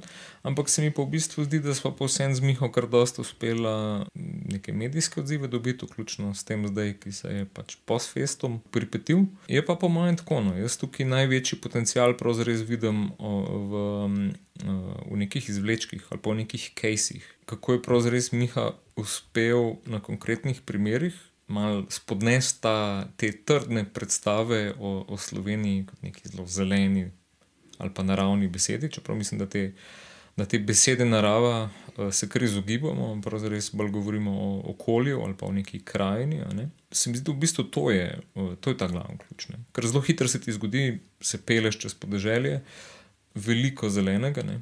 ampak vsem je pa recimo to zeleno upravljeno, je gnojeno, pesticidi in tako naprej. V bistvu recimo mehna biotska raznovrstnost. Ne? In tudi, kot je Miha prej uh, rekel, ne, lahko imaš neke predele, ki so zelo zeleni, izgledajo zeleno, ampak onesnaženje zraka je pa naprimer visoko. To je nekaj, kar ti neposredno ne, ne vidiš, ne, ali pa ne moreš na ta način izkusiti. Ne. In iz tega vidika se mi to zagotovo zdi. Um, Zagotovo je nek pomemben aspekt. No. Je pa na uvodnem pogovoru tako in tako, tako biti, recimo, sama izpostavlja, no, da, ja, da, da pravzaprav umetnost ali pa neko podob, podobotvorje, ki nastaja s pomočjo umetnosti, ne, da v bistvu to res za neko majhno skupino ljudi. Ne. In da mogoče kakšni drugi pristopi, kot reklame, one za primer oziroma naprimer, ne, Slovenija, moja država, da je to v bistvu več ljudi dosegli takrat. Tudi so se ljudje prek tega nekako povezali. Ne. Zato se mi zdi tukaj vsem pomembno razmišljati ne samo to, kako, um, kako to komunicirati ali kako sploh prideti do določenih znanj ali pa do določenih informacij, ampak tudi kako, um, kako to spraviti v neko širšo zavest. Se ti zdi, da je mogoče to na primeru Slovenije ekstra izziv, glede na to, da to Slovenija, moja država, to je te podobe Slovenije, skozi katero mi mislimo to okolje, je izredno. Patriotsko naravnano, v smislu, da je naša država, naše naravne znamenitosti, naša narava, naš gost, naš kočevski pragos, naše jame, naše gore, naš ledenik. Na nek način, če se lotimo tega diskurza, ki smo ga tudi danes malo odprli in smo v bistvu samo tako malo popraskali površje v resnici, ne, pa ker o tem bi lahko še kar dolg časa raz, razglabljali, s tem diskurzom. Tem ljudem, ki so izredno ponosni na to, kaj ima Slovenija, ko gledamo v aspektu narave in s tem diskurzom nekaj vzameš, vsaj za nekaj časa, ko morajo mogoče malo um, razmisliti na drugačen način, kot so razmišljali do zdaj. A se ti zdi, da je ravno na primeru Slovenije to mogoče malo bolj. Se ne da zdaj mogoče vem, kako pa ne vem. Sam recimo se mi zdi, da mogoče mi ekstra špilamo na to naravo uh mhm. -huh. v primerjavi z ne vem kot sem prej rekla, ne vem, Nemčijo, ja. Francijo, take stvari, kjer je mogoče malo neka kultura, tradicija. Se, se strinjam. Ja. Sam je pa po mojem v tem oziru, sta obe zadnji leti uh, uh, zelo uh, dober portret tega. Ne, eno lansko leto zagotovo s požari in letos pravzaprav s poplavami na uri. Uh, se mi zdi, da je zagotovo treba razmisliti o, o teh predstavah oziroma o teh podobah uh, Slovenije. In zagotovo tudi to ni edina stvar, ki jo imamo za ponuditi. In se mi zdi, da ne vem, če nujno ozameš ljudem nekaj, mogoče ljudem ozameš neko stopno naivnosti. Pa odpreš neko dimenzijo tega, da stvari mogoče niso samoumevne in da imajo tudi neka svoja ozadja. Ne? Uh, tako da bi rekel, da kvečem ljudi nekaj dobijo. Ne? Mogoče dobijo to, da lahko zaščitijo to, kar jim nekaj pomeni, ali pa v tem, kar se prepoznajo, ne? in da mogoče delujejo drugače. To je zagotovo en tak, en tak pristop. Ne? Ker sicer se nam pa zelo hitro zgodi to, ne? tudi tako, uh, če se mal navežem na, na neka razmišljanja, ki so meni blizu, verjetno čisto zaradi tega, ker izhajam iz umetnosti, a ne isto recimo, vem, John Berger, avtor um, knjige oziroma serije The Ways of Seeing, razlaga naprimer o tem, kako, um, kako se je upodabljeno naprimer, okolje ali pa narava. Ne? In um, naprimer, on izhaja v bistvu iz tega, da se prav prvo je okolje tako in tako bilo neko ozadje. Recimo nekega dogajanja ali pa nekih portretov, skratka, neko ozadje. Znotraj slikarstva, ja, govorimo znotraj slikarstva. Ja. Um, in potem tudi kasneje, ki je neka malce bolj uh, buržoazna tradicija, ne, postane okolje sicer ta motiv, ki ga občasno nekdo naroči. Ne, in ta, ki ga, je, uh, ki ga je naročil, je pravzaprav lastnik neke posesti ali pa nekega zemlja. Ne. To se pravi, pogosto gledamo neke krajine, se nam zdi, da je to mogoče neka prazna vsebina, ampak v resnici je to pravzaprav uh, nek prikaz, nek vizualni prikaz, recimo, moči področja, ki ga nekdo, uh, ki ga nekdo upravlja, ne, ali pa ga je v tem primeru. Uh, potem pa nekako v skladu, v skladu z um, um, rastjo srednjega sloja, lažjih uh, možnosti transporta. Industrializacija, in tako naprej, postane pravzaprav to krajina nek tak, kar usreden motiv. Ne? To se pravi, tudi mogoče v tem oziru. Da, uh, to, kar zdaj v hotelskih sobah. Recimo, recimo, ali pa mogoče jaz bi rekel, da je to bliže lahko nekim razglednicam. Naprimer, ne? Iz tega vidika, da je nekdo nekam odpotoval in si en kos te krajine, tukaj je zelo mogoče zanimiva ta uh, prispodoba, ki jo lahko vidimo tudi uh, v smislu komodifikacije narave, ne? podobo, ki jo ti potem odneseš domov, obesiš na steno. Istočasno uh, se pa v bistvu dogaja uh, ne, industrializacija, urbanizacija krajine in tako naprej. Ne? Uh, in seveda pač ljudi v mestih so imeli te, uh, v narekovajih, narave manj, uh, si jo pa v bistvu lahko prenesel v, v svoj uh, prostor uh, kot neki izdelek. Ne. To, kar še niso potosov imeli. Mislim pa, zemljevid je tako in tako na nek način bil eden prvih takih, kot Miha temu pravi, okoljskih, uh, okoljskih medijev. Ja, mislim, jaz termin okoljski medij uporabljam um, iz, um, iz medijskih študij o okolju. Ne in spoznanju, da pač tam je vidi in recimo akcije, kot je Slovenija, moja država. Ne samo, da reprezentirajo okolje, ne, ampak da ga tudi oblikujejo. Skratka, zemljevid ni upodobljeno okolje, ampak je orodje, ki oblikuje okolje. Um, in ravno zato so pač take, recimo, te medijske tehnologije, pa medijske medije kot takne, ključno orodje, ki oblikuje okolje zato, ker oblikuje predstavo o okolju in po, posledično tudi okolje. In ravno v Sloveniji je zato, mislim, če sprašuješ o Sloveniji, je mogoče najpomembnejša inštitucija tukaj ravno javni mediji. Javni mediji, tisti, ki ima največ potencijala oblikovati razumevanje okolja. Uh, diskusijo o okolju in posledično oblikovati okolje v Sloveniji, veliko bolj kot bager, beton uh, in pa politika. Ne. Vkolikor bi recimo, javni medij imel še um, vsebine, ki se raziskujejo v javnem interesu, ne, skratka, strokovnjake, ki, ki imajo neko razumevanje tega, ne, izpostavili to diskusijo, kar se tiče konkretnih primerov, ne, ali poplave, ali požari. Uh, da bi res prišlo v javnost, kaj se zares potrebuje, da se te stvari preprečijo. Ne zgolj pač, um, letala za rešenje požarov, ampak tudi vprašanje, kako oblikovati našo krajino, da požari ne ogrožajo naselij, kako graditi naselja, da jih poplave ne ogrožajo. Potem bi v bistvu bila slovenska družba veliko bolj rezilientna. Sem pa skeptičen, da bo do tega prišlo, no? ker um, ali pa bo to še veliko časa trajalo, tako da bomo, nažalost, verjetno v naslednjih letih in desetletjih gledali še zelo veliko posledic teh ekstremnih okoljskih situacij, katere so med drugim že napovedali. V, mislim, da je bilo to letno poročilo IPCC, skratka, mednarodnega panela za klimatske študije. Mislim, da je bilo to tam sred 2000, da v Sloveniji bojo problem ravno poplave, plazovi in pa požarje, ker je to tipično za naše okolje. Ne. Tako da pač možno je, um, je pa odvisno predvsem na uh, odločevalcih, kako bojo krepili javni sektor, javne raziskave, javne medije. Zato sem to edini način, da se pač naredi prostor, pač rezilienten v Sloveniji in pa družbo tudi. On that positive note.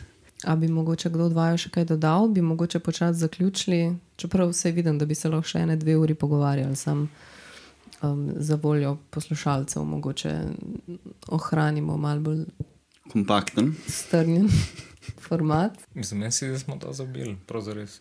Mene zanima, ali se zdaj ta projekt še nadalje razvija in se misli še kdaj prezentirati v Sloveniji, mogoče. Torej, kakšna je pot Atlasa Slovenije trenutno? Tukaj sta pač dve zgodbi, ali pa tri zgodbe. Pač ena je Atlas Slovenije, druga je pač ta metoda, ki je bila uporabljena in tudi predstavljena. Ta se sicer imenuje Planetary Public Stack, in tretja je pač Morgan Planet. Kratka, vse tri se bodo razvijale dalje. Tako metoda, kot mednarodna skupnost, kot ta primer v Sloveniji. Vse tri se bodo razvijale naprej. Prva povabila so že za fokus na posamezne regije v Sloveniji. Metoda bo pač predstavljena letos na Ars Elektroniki in s to metodo imamo namen razvijati potem projekte tudi po Evropi. Skratka, da se pač neke konkretne primere po Evropi s to metodo razvija. Tako da za mene osebno je to začetek na poti, kako umetnost lahko prispeva, kaj umetnost lahko prispeva pri naslavljanju okoljskih problemov v Evropi, širše in pa s tem z Atlas Slovenija, konkretno v Sloveniji. So plani za naslednjo leto, dve, in upam, da se tudi s pomočjo rekel, tega pogovora danes um, z vami ponudi še kakšna priložnost. Mislim, ne to priložnost kot uh, radovednost, kot uh, zaskrbljenost nekoga, da poznava tem vrednost in mogoče, če ne iz drugega, iz radovednosti, lahko pa tudi iz zaskrbljenosti, se pač lotimo nekih drugih, bolj konkretnih primerov v Sloveniji. Ta Morden Planet projekt je bil Creative Europe, če sem prav videl. To se je začelo kdaj? Creative, uh, to je Creative Europe, začel se lansko leto in bo trajal še dve leti. To je triletni. Tako je. Pa imate pol že plan, kaj naprej prijavljati? Um, že delamo na naslednjih korakih. Mislim, pač, Fingers crossed. um, mislim, to je itek stalni proces. No, tako da vsaj jaz osebno razvijam projekte, zato da skozi njih razvijam neke nove kapacitete za nadaljne. Ker konec koncev ne gre se toliko za projekt, kot za neke kapacitete, ki jih razvijaš. Za rezultate, no? da, da nekaj dobiš od tega projekta, vendar lahko narediš naprej. Tako, tako mislim, s tem da rečem kapaciteta, ker z njo nekaj delaš. Mm -hmm. Skratka, si bolj pameten, si bolj vezan, nekaj novega spoznaš, to deliš z drugimi. Nove metode, nove orodja, vse to. Tako, tako, tako. tako. Um, tako da že delamo na tem. No. Skratka, prvi super, rezultati super. se že razvijajo, nove projekte um, so že um, v razvoju. Tako da uh, absolutno bo vse naprej razvijalo. Uh, kje lahko kdo zasledi, ko se bo kaj pojavilo pri vas? Mogoče še to bi bilo koga zanimalo, ko bo bil radoveden.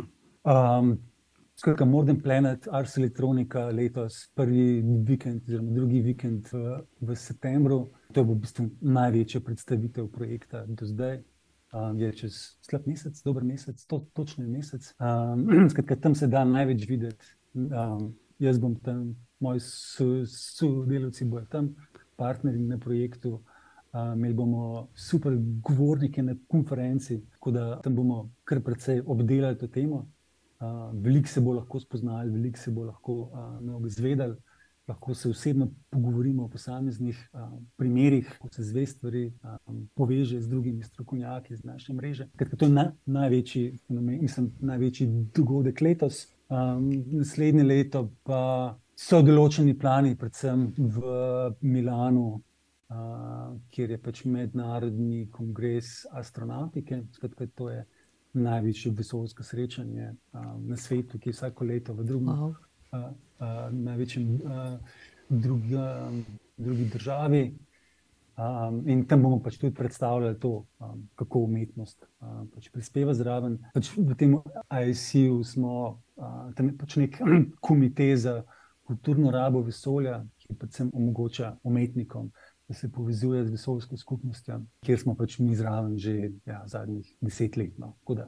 Marsikaj smo skozi tam že uh, zrealizirali, ta projekt je pač del te tudi te e-takus platforme. Potem smo del kulturne prestolnice v Oluju na Finskem, ker so pač partnerji na projektu. Olu. Olu ja. um, to je pač gor, praktično v Arktiku. Jer ne, jo so ušesa gor skočila, kaj slišiš finska. ne, sem napačno izgovorjala. Sam so sorry. Ne, sem hotel preveriti. Če sem prav zastopil. ja, mislim, je, Olu je, je pač finski finska izgovorjava, uh, finskega imena. Um, plus še par drugih, pač, ampak v Sloveniji ne veliko, no, ker vsem to evropska platforma. Uh, ja, mogoče ključno, kar se bo zgodilo v bistvu letos, je, ker so partnerji na projektu uh, Zavod Atol, organizirajo pač dogodek Arija. Mislim, da je to zadnji teden uh, v Avgustu, to je čez tri tedne. Uh, Tjaša Pogačar ima um, um, enotedenski uh, uh, ta summer school z mislim, enodnevnim ali dvodnevnim javnim programom. Mogoče je to pač um, tudi ena od aktivnosti na projektu, ki je še najbolj zanimiva za, za slovensko javnost. No. Da, Arija, projekta Tol, um, to je ena stvar, vsi vabljeni. Ok, zaključimo. Uh, jaz bi se obema lepo zahvalila, da ste prišla danes. Hvala tebi, Miha, da si si vzel čas. Tudi hvala vam, drago občinstvo, za vso vašo pozornost. Uh, vse ostale podcaste najdete na vseh glavnih kanalih, kot so YouTube, Spotify in Apple Podcast. Novo prispele epizode deliva tudi na Facebook in Instagram. Glasbeno podlago za intro in outro sta pripla, pripravili Ema Kobal in Urška Bajec Košmrl. Za kakršne koli komentarje, pripombe, vprašanja, šaltaute, pritožbe, spremljava. Predloge. In to je to. Uh, bom videla, če bomo to dali v dva dela ali v enega, ampak um, se mi zdi. Um, Boš videla. Bom videla. Ja. Tako Da, zdaj bom samo uradno zaključila, pa, pa, pa ugasnem, pa, pa se lahko še pogovarjamo. Tako Da, uh, še enkrat najlepša hvala vsem, pa uh, se upam, da vidimo, če ne drugega, slišimo, ki je kmalo ali pa na Ars elektroniki. Hvala, čau, čau, čau, čau, čau, čau, čau, čau, čau,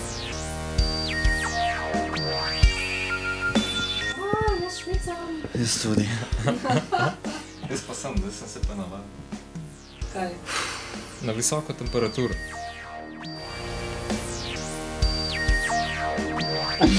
Užgi nazaj, naredimo še dve uri. Kako si to mislil?